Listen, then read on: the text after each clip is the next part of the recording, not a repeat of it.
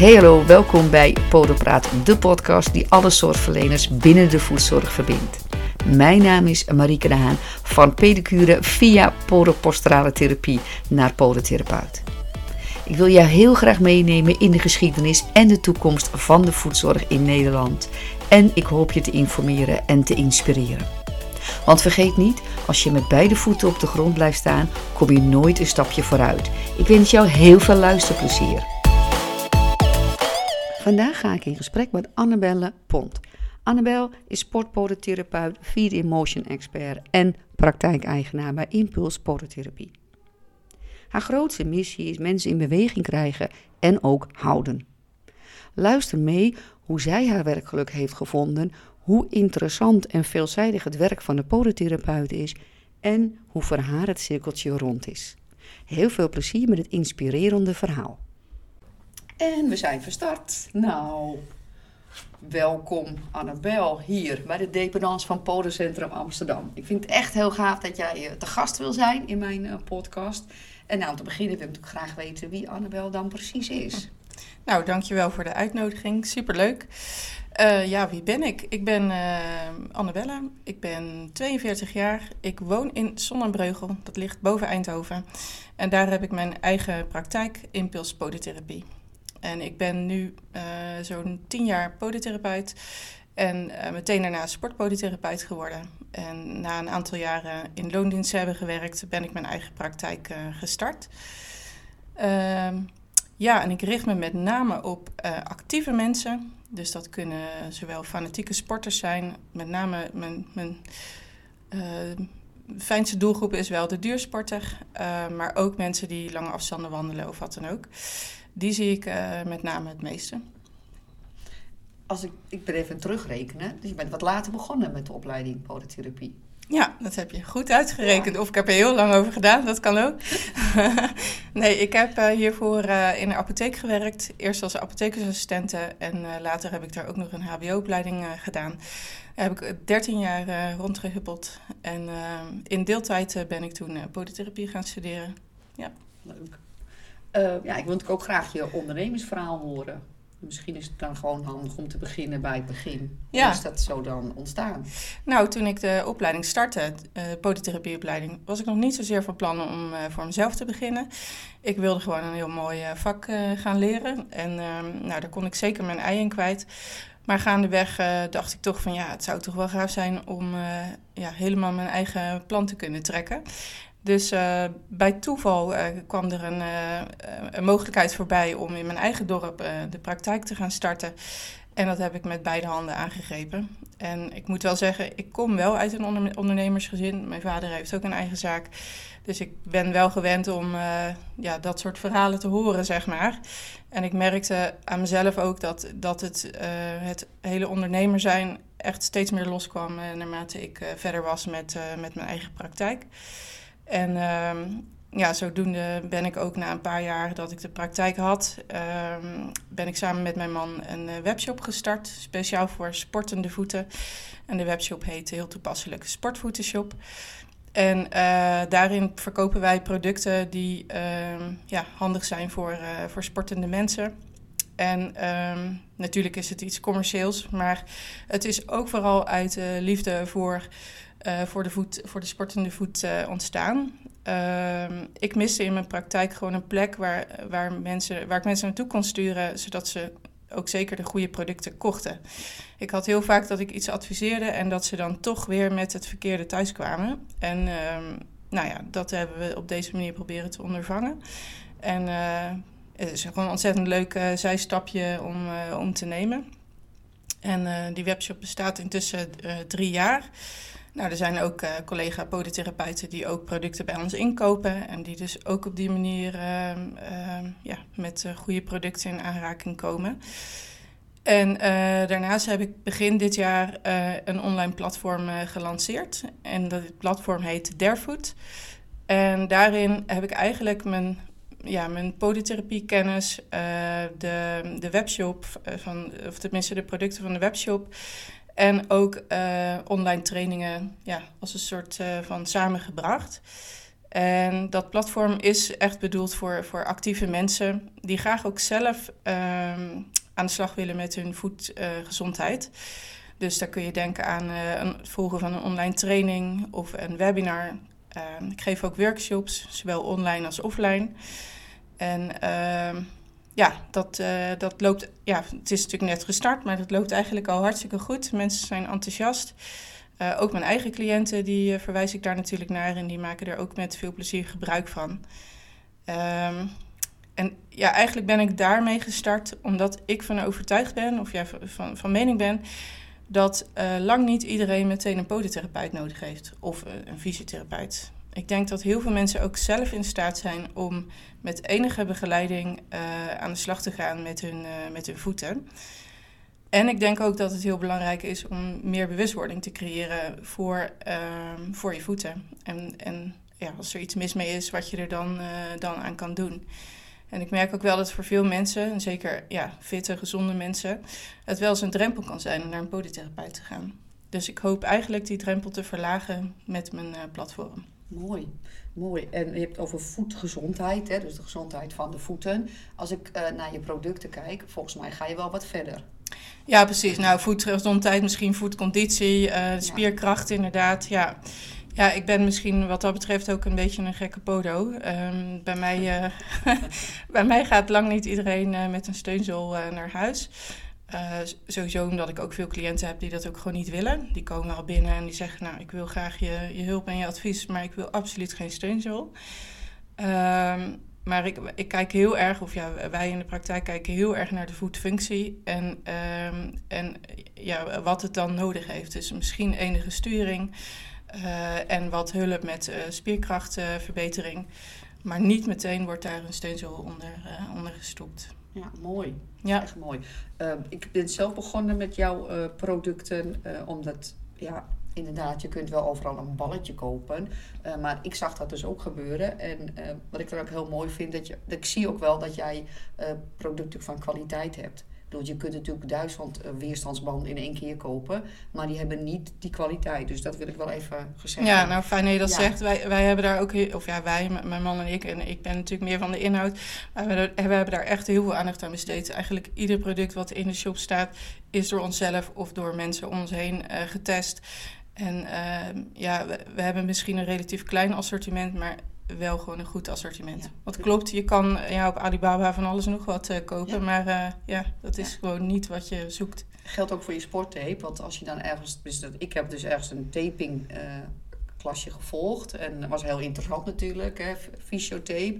En dan wordt er gezegd, ja, dat kan je ook bij de Action halen. Nou, het is dat echt klopt, niet dat kan te ook. vergelijken met die Pino-tape die jij uh, in ja. je assortiment hebt. is gewoon echt niet te vergelijken. Nee, en uiteindelijk is dan, en dat geldt natuurlijk met heel veel dingen, goedkoop is dan duurkoop. Ja. Um, je, je, kan uh, goedkope tape kopen bij de kruidvat of weet ik het waar. Maar dat ligt een halve dag later weer van je voet af. Ja. En deze tape blijft gewoon vier, vijf dagen zitten. Dus uh, ja. Top was even reclame, maar dat komt omdat ik er echt heel enthousiast over ben. Um, als we het nou hebben over de, de podotherapeut, wat is volgens, jij, volgens jou dan de grootste uitdaging? Want sommigen zijn ondernemers en sommigen zijn zorgverleners. Wat is de grootste uitdaging? Nou, ik denk dat de podotherapeut uh, in algemeen, of ja, de, de, beroepsgroep, wel meerdere uitdagingen heeft. Uh, ik denk de grootste uitdaging is dat er uh, steeds minder aanwas is van, van nieuwe podotherapeuten of van podotherapeuten in SP. Gezien ook de, de bevolkingsgroei, de vergrijzing, natuurlijk de uitbreiding van de basiszorg die eraan komt. Dat geeft denk ik best wel een uitdaging. Um, dat is één. Ik denk ook de, de toename van uh, regeldruk, wetgeving, uh, dat soort dingen, dat dat ook voor veel podotherapeuten zorgt voor minder werkplezier. En ik denk ook dat de, de podotherapeut die, die echt een zorgverlener podotherapeut is en geen ondernemende podotherapeut is, heeft nog een extra uitdaging. Want ik denk dat een gemiddelde ondernemende podotherapeut, ook al is het zwaar weer, uh, altijd wel weer een oplossing ziet of een lichtpuntje ziet in de weerwaar van de, de shit die zo maar zeggen, zo gezegd maar op je afkomt. En ja, als je dat niet hebt, dan, dan is dat best lastig, denk ik. Dan, uh, ja, dan, dan kan ik me voorstellen dat het werkplezier nog minder leuk wordt. En ja, ik zie dat ook wel omheen gebeuren. Ik denk dat jij dat ook ziet. Uh, mensen die uh, 40, 50 zijn, uh, die de een naar de ander stopt ermee en verkoopt de kiet. Um, en dat kan natuurlijk om verschillende redenen zijn. Maar ik denk dat er best wel een groot aantal is die dat doet omdat ze het niet meer leuk vinden. En waarschijnlijk door alle dingen die erbij komen. En dat, ja, vind ik echt super jammer. Ja, dat is inderdaad die wet en regelgeving, waardoor je soms iemand een half uur binnen hebt, maar dan nog twintig minuten zit je aan die laptop allerlei dingen in te voeren. En wat ook zo opvallend is, vind ik, dat we elk jaar als polytherapeuten elk jaar een nieuw regeltje kregen. We hebben niet even een moment gehad om te zeggen, nou, dit is nu gaan we even implementeren. We hebben twee, drie jaar de tijd, dan komt er wat anders. Nee, het was diabetische voedzorg, eh, AVG, MDR. Ja. Uh, het ging maar door. Dat klopt. En uh, ja, daarin vind ik wel ehm, dat het binnen podotherapieland ook wel een beetje de tendens is om eh, meteen ook met hakken in het zand te gaan. En meteen ehm, ja, in de stress te schieten of wat dan ook. En ja, ik zit sinds uh, uh, vorig jaar ook in de adviesraad. En, en daarin zie je dat, ja, dan zit je eigenlijk nog meer dichter bij het vuur. En ik denk ook wel dat, uh, dat het misschien ook wel goed is als mensen niet meteen op hun achterste poten gaan staan. Maar ook gewoon even rustig afwachten van wat betekent die nieuwe regelgeving voor mij? Ehm, wat, ehm, wat kan de NVVP doen als een, een ehm, één groep zeg maar, naar VWS of wat dan ook uh, toe. En pas daarna gaan implementeren of veranderen in je eigen praktijkvoering. Want ik denk ook dat dat ook een hoop stress scheelt. Um, kijk, die, die, al die gekke wetten, daar heb je nou eenmaal mee te maken. En dat heeft ook te maken met, uh, uh, met het stemmen voor de politieke partijen waar, waarvoor gestemd is. Dus dat we vinden dat met z'n allen zo moet. Ja, als je er niet mee eens bent, dan, dan is het misschien tijd om ergens anders op te gaan stemmen. Maar ik denk wel dat dat, dat ja, dat zou ik wel prettig vinden als dat wat anders zou zijn. Dat mensen toch even, even tot tien tellen, zeg maar. En dan pas wat gaan maar ik denk zo'n zo'n brandsorganisatie zoals de NVVP heeft ook een uitdaging. Want uh, de een loopt voor. Hè, die, ik, heb, ik ken mensen die weten dan al een jaar van tevoren dat die MDR er komt. En er heel druk mee bezig. En een ander hoor ik dan zeggen, nou ja, ik wacht het wel af. En je hebt dus altijd een voorhoede en een achterhoede als vereniging. Ja, nou ja, ik denk dat je als bijvoorbeeld... Uh, ik, ben niet zo van grote en kleine uh, praktijken dat zo apart zien. Maar ik denk wel dat als je een grote praktijk hebt... of, of binnen een grote praktijk werkt dat je in die zin het voordeel hebt dat er wel meer mogelijkheden zijn om dat al van tevoren al wat uit te zoeken en wat mee bezig te zijn. Ten opzichte van, zoals ik, uh, ik heb één collega nu in dienst, uh, dat je met z'n tweeën bent. Uh, al dit soort dingen komt eigenlijk op, mijn, op mij neer, zeg maar. dat is best pittig als je dat er nog bij moet hebben. Maar ook zie ik heel vaak dat mensen ook gewoon totaal niet alle informatie lezen die, um, die de NVVP aanlevert. Um, bij de laatste ALV eh, kwam dat ook weer naar voren. Dat mensen dan vragen stellen. Dat ik denk, ja, dat staat volgens mij al in drie, vier nieuwsbrieven. Uh, ik denk dat als je de nieuwsbrieven leest, dat je dan al aardig, eh, aardig geïnformeerd bent. Dus dat, um, ja, eens. Maar ik denk ook dat een deel ook eigen verantwoordelijkheid is. Ja, het is niet eens, niet eens groot en klein hoor, bedoel ik dan. Ik heb gezien met ICO ook dat iemand al ver van tevoren het wist te vertellen. Omdat zo iemand zich heel erg inleest en een beetje een visionair is. Uh, dus dat is wel interessant. Maar ik denk dat elke brancheorganisatie dit heeft. Want ik denk dat mensen, is, niet, dat is niet erg, maar heel veel weten niet wat er eigenlijk allemaal gebeurt bij zo'n vereniging. nee, dat klopt. Er wordt echt heel hard gewerkt achter de schermen. Dat, dat klopt, dat ben ik met je eens. En uh, dat is ook wel een ding wat ik zelf ook wel eens aangegeven heb bij de NVVP zelf, bij het bestuur. Van, goh, laat eens wat meer zien wat je doet, hè? Wat, wat, hoe, hoe een werkweek van je eruit ziet. Je hoeft natuurlijk niet alles dat in detail te weten, maar ik denk inderdaad dat mensen zich, uh, dat, het, dat het vaak onderschat wordt wat er uh, gebeurt. En uh, we hebben natuurlijk met een 1200 leden te maken. Um, er zijn natuurlijk altijd dingen die, die acuut zijn, wat, wat brandjes blussen. Ehm, mensen willen hun verhaal kwijt, maar ook de strategische dingen die, die gaande zijn ja, het is niet zo dat als je iets veranderd wil krijgen, dat, dat, dat het in een half jaar gebeurd is. Dat duurt langer. En daar zijn ook heel veel gesprekken en, en, mails en overleggen en weet ik het wat aan vooraf gegaan voordat dat zo is. Dus klopt, dat is, uh, dat is zeker. ja. Zo, en dan komen we aan bij mijn volgende vraag. Hoe zie jij de toekomst van Voetenland voor je? Wat denk je wat er nodig is? En dan heb je het over voetenland, uh, podotherapieland of uh, voetenland uh, in zijn algemeenheid, ja, zeg maar. iedereen die, nou ja, ja. podotherapie, podologie, pedicure, medische pedicure, podoposteraltherapie. Ja, ja, gewoon alle, alle voet ja. um, gerelateerde mensen. Nou, ik denk dat het best wel uitdagend is. Um, ik, ik denk in de algemene zin dat podotherapeuten wel, uh, en dan bedoel ik mensen die eh, in het veld zijn, hè, dat die zich wel wat meer naar buiten mogen treden met laten zien wat ze, wat ze doen, wat ze waard zijn. ik denk dat onze beroepsgroep, onze beroepsgroep nog nog steeds niet echt bekend is. Ehm, we zijn natuurlijk best wel klein en mensen rennen als eerste naar de fysiotherapeut uh, als ze last in hun voet hebben. Maar uh, dat zou mijn inziens nog wel meer naar richting podotherapeut mogen zijn. Dat is zeker, uh, denk ik, nog steeds een uitdaging. En um, ja, we moeten daarin dus ook goed zorgen om ons goed blijvend te positioneren. Um, ja, en ook de, de, de toestroom van, van, uh, van studenten, dat dat weinig is, dat, dat is denk ik best wel een uitdaging uh, daarin. Ja.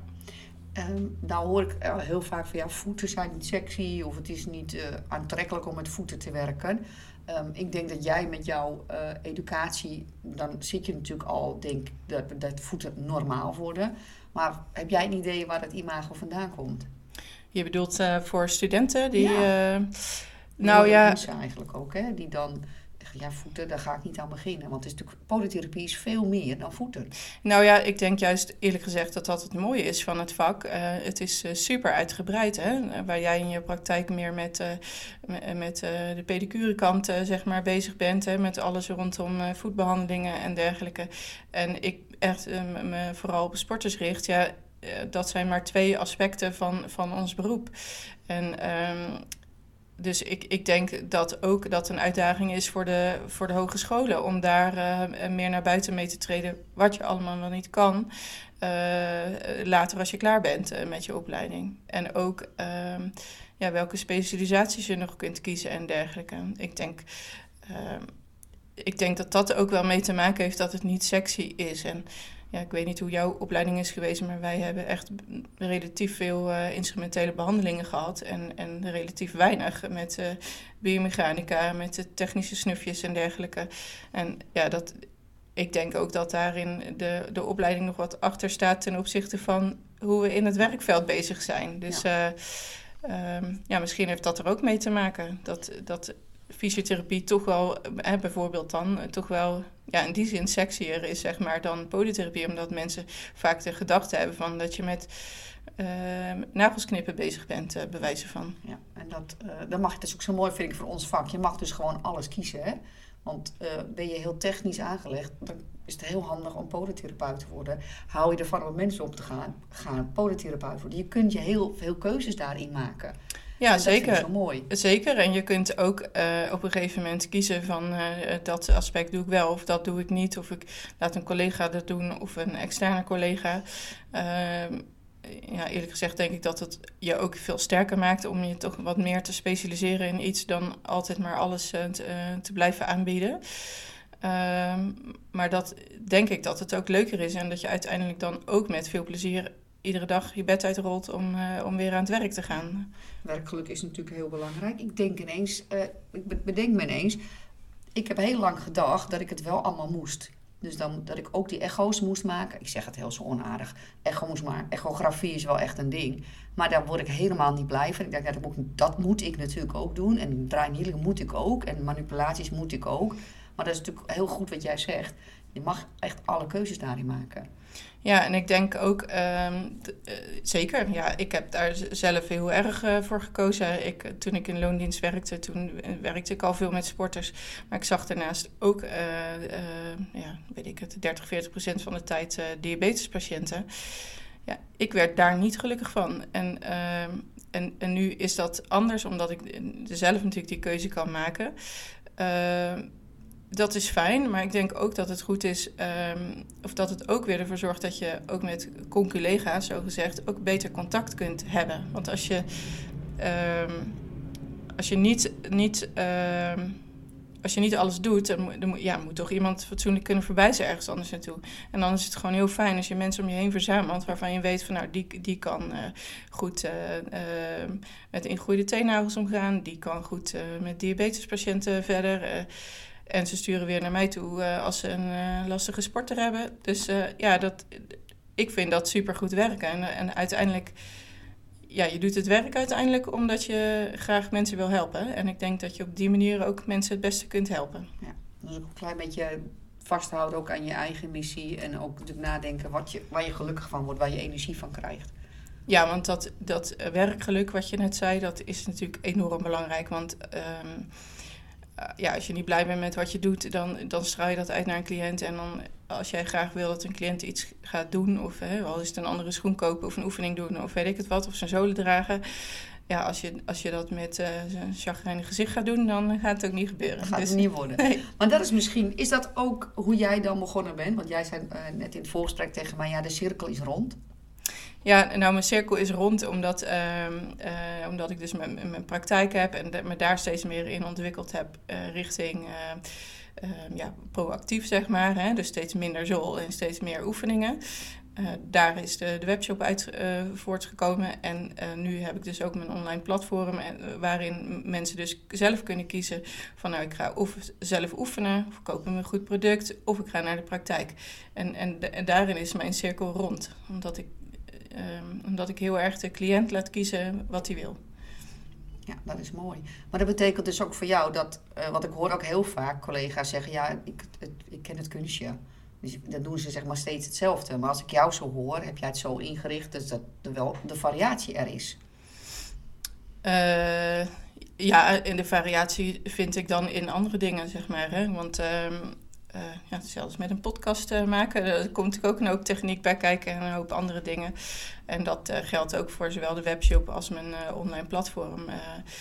ik heb grotendeels zelf gedaan. Dus ja, je bent ook opeens marketeer en je bent webshop of hoe heet dat, techneut voor, de, voor de website. En noem het maar op. Uh, en ook, uh, nou, ik maak ook webinars, dus moet je ook daar opeens verstand van hebben. Ik ben mijn eigen visagist enzovoort. Dus ik vind het leuk om daarin een variatie te hebben. Um, en dan is op zich misschien een, een onderzoek uh, niet zo spannend meer tussen haakjes, omdat je inderdaad heel veel al gezien hebt. Maar ik, ik vind altijd, en dat denk dat ik dat ook blijf vinden, dat de communicatie met, een, met iemand, die is altijd anders. Als je tien keer hetzelfde probleem hebt, heb tien verschillende mensen die er op tien verschillende manieren mee om, omgaat.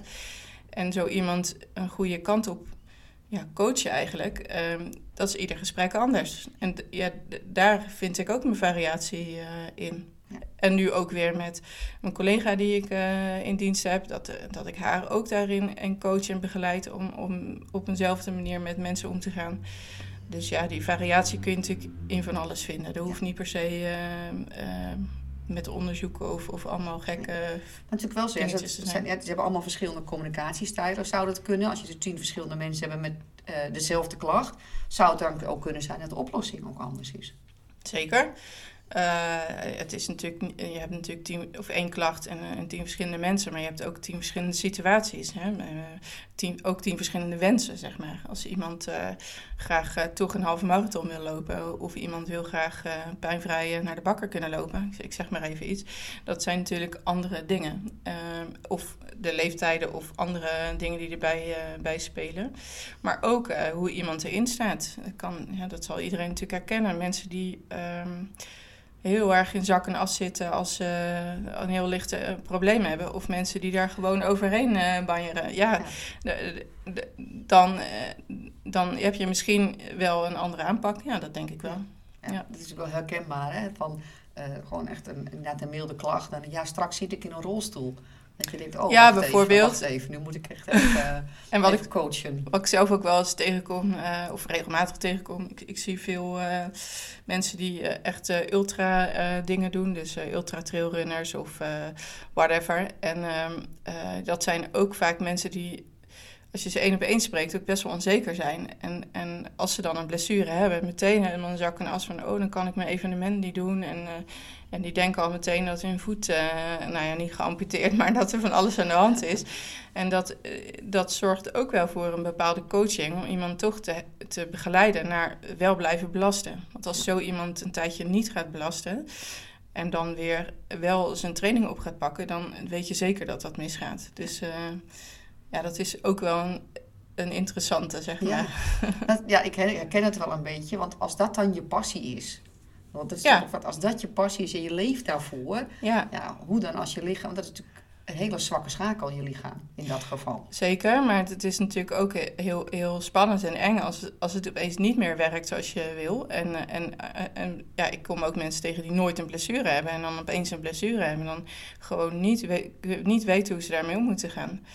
Ja, dat zijn wel leuke dingen, vind ik. Ja, dat is mooi dat je dus als podotherapeut, ik zeg het nog maar een keer, niet alleen maar hè, die zolen maakt, maar ook echt dat, dat coachen eh, doet.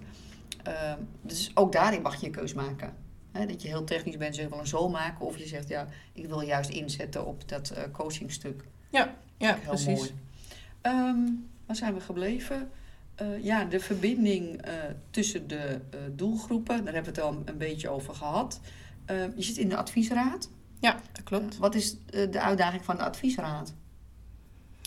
De uitdaging van een adviesraad. Nou ja, dat is. eh, eh, je bent daarin inderdaad ook een beetje de verbinding tussen de leden en het bestuur. Ehm, ik denk dat er verschillende uitdagingen zijn. Ehm, ik, ja, hoe moet ik dat zeggen?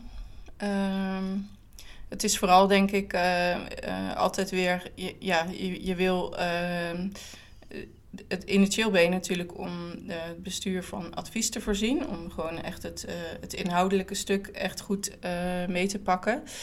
Aan de andere kant wil je natuurlijk ook wel je- achterban, als het ware, ook ja, dienen, zeg maar. Dus eh, ik denk dat dat een beetje een, een uitdaging is. Aan de andere kant, ja, maak me niet zo snel druk. Eh, het is zoals het is. En eh, eh, ik, ik zeg en denk wat ik denk wat het beste is. En, en wat ermee gedaan wordt vervolgens. Ja, dat, dat is ook wel weer het fijne van de adviesraad. Want daarin heb je dan ook geen verantwoordelijkheid. Hè? Je, je geeft advies en je leest je goed in en je, en je bespreekt het met elkaar. En gezamenlijk geven we dan advies.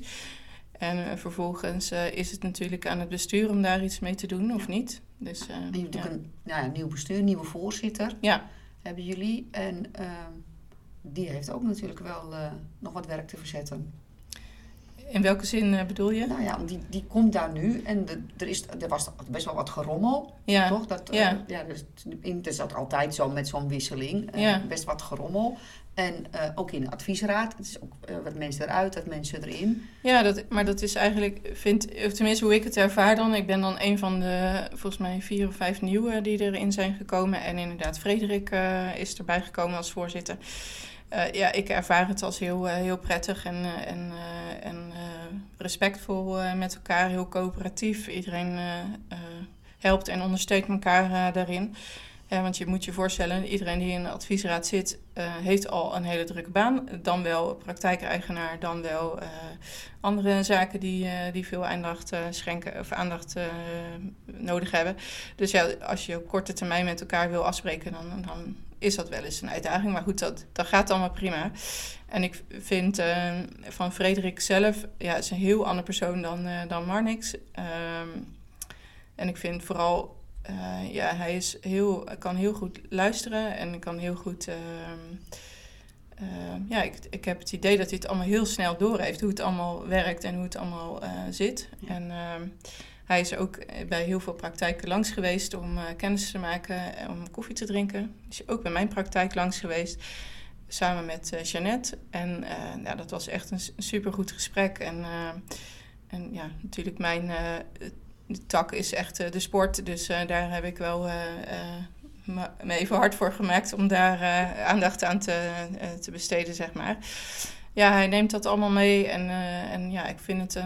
ik denk dat het precies iemand is die we nodig hebben op dit moment. Ja. Ik ben helemaal, ben helemaal blij om te horen dat het zo is. Want ik dacht zelf, ja, het is best wel moeilijk als je ineens in die, in die wereld komt. Zeg je, nou, pak het goed op. En uh, er is ook veel communicatie. Ja, super mooi. Ja, zeker. Ja. Leuk. Dus we kijken met, uh, uh, met, met positiviteit naar de toekomst van de NVVP. Ja, ik wel in ieder geval. Ja, nou, ik nu ook. Mooi. um, we hebben het al even gehad over jouw producten en diensten. -huh. um, die, uh, je, hebt, je hebt dan zo'n online omgeving. Dat is, is dat voor iedereen toegankelijk? Uh, ja, dat is gewoon een, uh, een website uh, waar je naartoe kan gaan. Dus dat is voor iedereen. het is initieel voor cliënten bedoeld, maar collega's kunnen daar ook naartoe. En ja, de, de online trainingen, daar, of, nou, er staat er nu nog één op, die is betaald. Dus die moet je wel aanschaffen. Die is ook voor cliënten bedoeld. En dan heb ik webinars, nou, die zijn vrijwel allemaal gewoon gratis toegankelijk. Dus als je een internet hebt en een computer, dan kun je daar, dan kun je daar gebruik van maken. En ik ben ook nog samen met een collega van ons, sportpodotherapeut Wies Karstenberg, zijn wij samen een e-learning aan het maken voor podotherapeuten. Uh, waarbij je eigenlijk leert uh, ja, met name de intrinsieke voetspieren, alle oefeningen en uh, hoe je dat aan kan pakken en de theorie erachter en dergelijke. Dat zijn we aan het, aan het ontwikkelen. Mooi. Ja. En is dat dan voor de, voor de podotherapeuten, die e-learning? Dat is ja. voor podotherapeuten, ja, eigenlijk niet alleen denk voor voor podotherapeuten, maar ook voor podologen of misschien fysiotherapeuten die affiniteit hebben met de voet, ja. zeg maar. Maar, uh, het zou ook wel fijn zijn als meer fysiotherapeuten affiniteit hadden met de voet.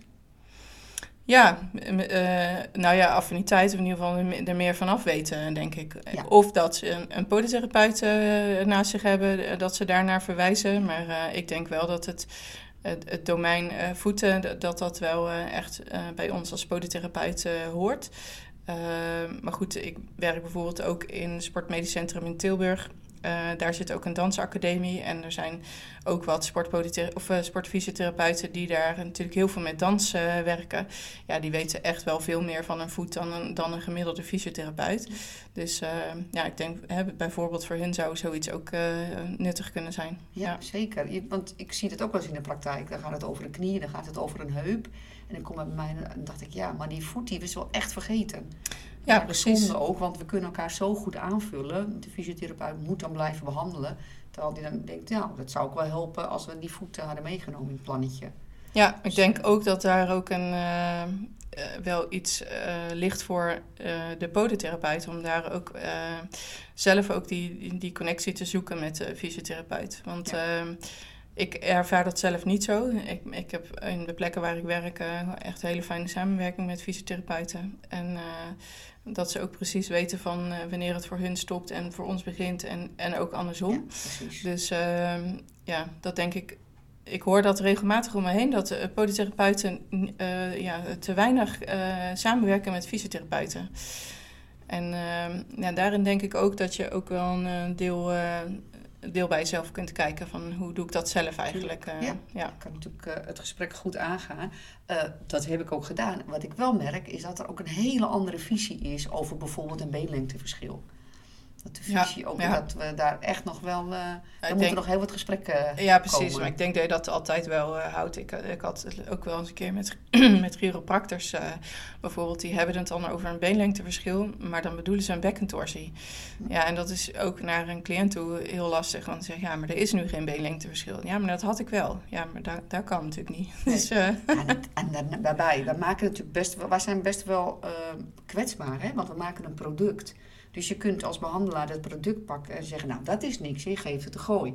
En wij, kunnen, wij hebben wat dat betreft veel minder zicht op wat er in die fysiotherapiepraktijk of bij de chiropractor gebeurt. Ja, dat je andersom is het heel makkelijk om te zeggen, ja dit is niks. Ja. Dus, uh, maar ik vind het ook wel heel mooi uh, wat jij nu uh, noemt. Want dat, dat vergeten mensen die de podotherapeut niet kennen, vergeten dat. Dat er veel meer is dan die zo maken. Het is ook ja. nog heel veel voorlichting, educatie en jij dan doet dan coaching. Dus uh, ja, het is wat dat betreft zo veelzijdig. Ja, ik, maar, maar ik denk dat daar ook voor jezelf als podotherapeut wel iets ligt hoor. Dat, uh, En als je het over toekomst hebt, daar hebben we het eigenlijk nog helemaal niet over gehad. Maar het is natuurlijk ook een stukje vergoeding wat steeds minder wordt. Um, dat er misschien steeds meer mensen ook uit de aanvullende verzekering gaan, enzovoort, enzovoort. En daarin zul je misschien ook wel steeds meer ook of dat is een stuk. En ook een stukje dat ik zie in ieder geval dat er een groeiende groep mensen is die steeds uh, kritischer is. Uh, op een positieve manier bedoel ik het dan. Hè? Dus uh, zelf ook onderdeel willen zijn van hun behandeltraject. En dan denk ik eerlijk gezegd dat zo'n steunzool, wat vroeger, wat we op de opleiding hebben geleerd van nou, je bent polytherapeut, dus je maakt een zool, zeg ik het even gechargeerd, hm. dat dat veel meer zou moeten en mogen zijn dat je bent polytherapeut en je hebt een scala aan dingen die je aan kunt bieden. En daar is een zool eentje van. Dus dat je het eigenlijk minder belangrijk gaat maken. en dat, dat, is misschien voor sommige therapeuten spannend, want ja, het is ook een stukje verdienmodel. Uh, maar ik denk zeker dat dat uh, mogelijk is om dat wat te gaan veranderen. Ja. Dat, is, dat is natuurlijk ook ondernemer zijn, kijken naar de toekomst en welke mogelijkheden er nog zijn. Dat ja, precies. is alleen maar mooi, zeker. Um, kom ik bij de vraag over werkgeluk. Ja. Waar krijg jij energie van? Nou ja, van mensen die uh, super blij zijn uh, met, met de diensten die, die wij aanbieden, zeg maar. En, en, als je het echt heel klein kijkt, vind ik het gewoon geweldig als iemand terugkomt in de praktijk en, en helemaal flabbergasted is dat hij bepaalde oefeningen kan en voelt dat hij weer steviger op zijn benen staat, minder last heeft en, en zich vrijer voelt. Ja, dan dat is voor mij dat, dat, dat is waarom ik dit allemaal doe. Ja, ja. Dat is jouw missie. Ja. ja. Zijn er dingen wat je energie kost? Uh, ja, die zijn er ook. En uh, die probeer ik zoveel mogelijk uit te besteden. dat is ook echt een goed advies. Dat nemen we mee. Ja, ja, nee, maar zoals financiële administratie en dat soort uh, dingen, dat ja, dat vind ik uh, gewoon super saai. Je wil natuurlijk wel weten wat er allemaal gebeurt en niet, maar uh, uh, ja, daar vind ik echt niks aan. Nee. Of telefoon opnemen, hè, daar, hadden we het net van tevoren even over. Eh, wij maken gebruik van de telefoondienst. Ja, ik ben gewoon ongeschikt om, om afspraken in te plannen. Dat gaat altijd mis, dus daar zijn mensen voor die daar veel beter in zijn dan ik. precies. ja, dat, dat is ook mooi, hè, toch? Dat je weet waar je grens is. Ja. Dat je niet alles hoeft te doen. We zijn inmiddels aangekomen in onze twee keuzevragen. Ja. Uh, het zijn tien vragen. Uh, je mag er straks nog even op terugkomen als je denkt, nee, dit moeten we echt even rechtzetten. je moet snel antwoorden. Voordat het de lucht in gaat. Ja, zeker, zeker. Uh, groente of fruit? denk toch fruit. Altijd blut of geld geen probleem? Oeh. Uh, geld geen probleem. Thee of koffie? Koffie. Appen of liever mailen? Uh, mailen. Muziek maken of muziek luisteren? Ja, maken wordt hem niet, luisteren. Zoet of zout? Zoet. Samsung of Apple? Uh, Samsung. Natuur of luxe? Natuur. Slippers of sandalen? Blote voeten. Ochtendmens of nachtuil? Ochtendmens. Nou, volgens mij uh, voel, je, ja, voel je je lang hebben deze antwoorden. Wil je nog terugkomen op een van de antwoorden? Nou ja, altijd blut of geen, geld geen probleem. Dat, uh, ja, ik zou zeggen een beetje ertussenin. Ik, uh, ik hoef geen dikke auto te rijden of wat dan ook. Maar ik weet vanuit het verleden dat te weinig geld hebben heel veel stress geeft. Dus ja. Uh, dat is niet mijn, uh, mijn ambitie, maar nee. uh, ik hoef ook niet... Je hoeft niet te zwemmen. Nee. nee. Sowieso niet jouw sport, toch? Zwemmen. Nee, precies. Ik heb niet eens een zwemdiploma, dus dat is niet handig. en dan ga je dus fietsen? Ja, precies. Want dat is jouw passie? Dat is mijn passie, Wil je daar ja. nog wat over vertellen? Oh ja, nou, uh, ik denk, ik ben uh, 15 jaar geleden of zo is uh, verhuisd naar Brabant. En uh, daar, mijn man die woonde daar. Ja, of woont daar nog steeds natuurlijk met mij. En uh, hij heeft uh, mij een beetje enthousiast gemaakt voor mountainbiken. En uh, ja, langzaam ben ik daarin gerold. En bij toeval uh, bij een enthousiast team terechtgekomen. En eerst als begeleider. En later ben ik ook wedstrijden gaan, gaan rijden. Dus ja. En doe je nog steeds?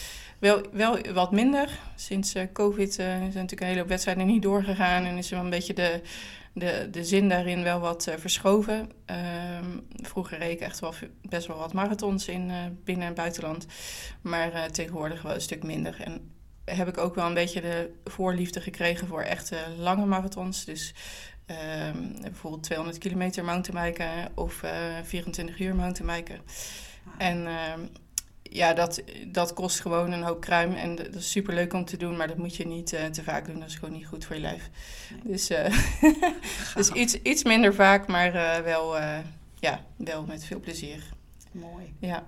Nou, dan uh, wil ik je heel hartelijk bedanken voor het gesprek. Het was uh, fijn dat je zo uh, open was en dat je de tijd nam om naar Amsterdam te komen om het gesprek te voeren. nou ja, ik hoop dat iedereen een beetje geïnspireerd is geraakt. Ik in elk geval wel. Dus dank je wel. Dank je wel ook. En zo zijn we aan het einde gekomen van deze aflevering van Podopraat, de podcast die probeert ondernemers en zorgverleners binnen de voedzorg met elkaar te verbinden. Op naar een mooier voetenland. Wil je graag abonneren omdat je nieuwsgierig bent geworden en graag de podcast wil volgen? Druk dan op subscribe of abonneer in jouw podcast app. Natuurlijk vind ik het ook super fijn als je een review wilt achterlaten. Doe dat vooral in de podcast app. Wil je een inzicht met me delen? Heb je vragen of suggesties? Je kunt me vinden via LinkedIn. Mijn naam is Marieke de Haan. En anders via e-mail podopraat.gmail.com. Voor nu bedank ik je hartelijk voor het luisteren en heel graag tot de volgende.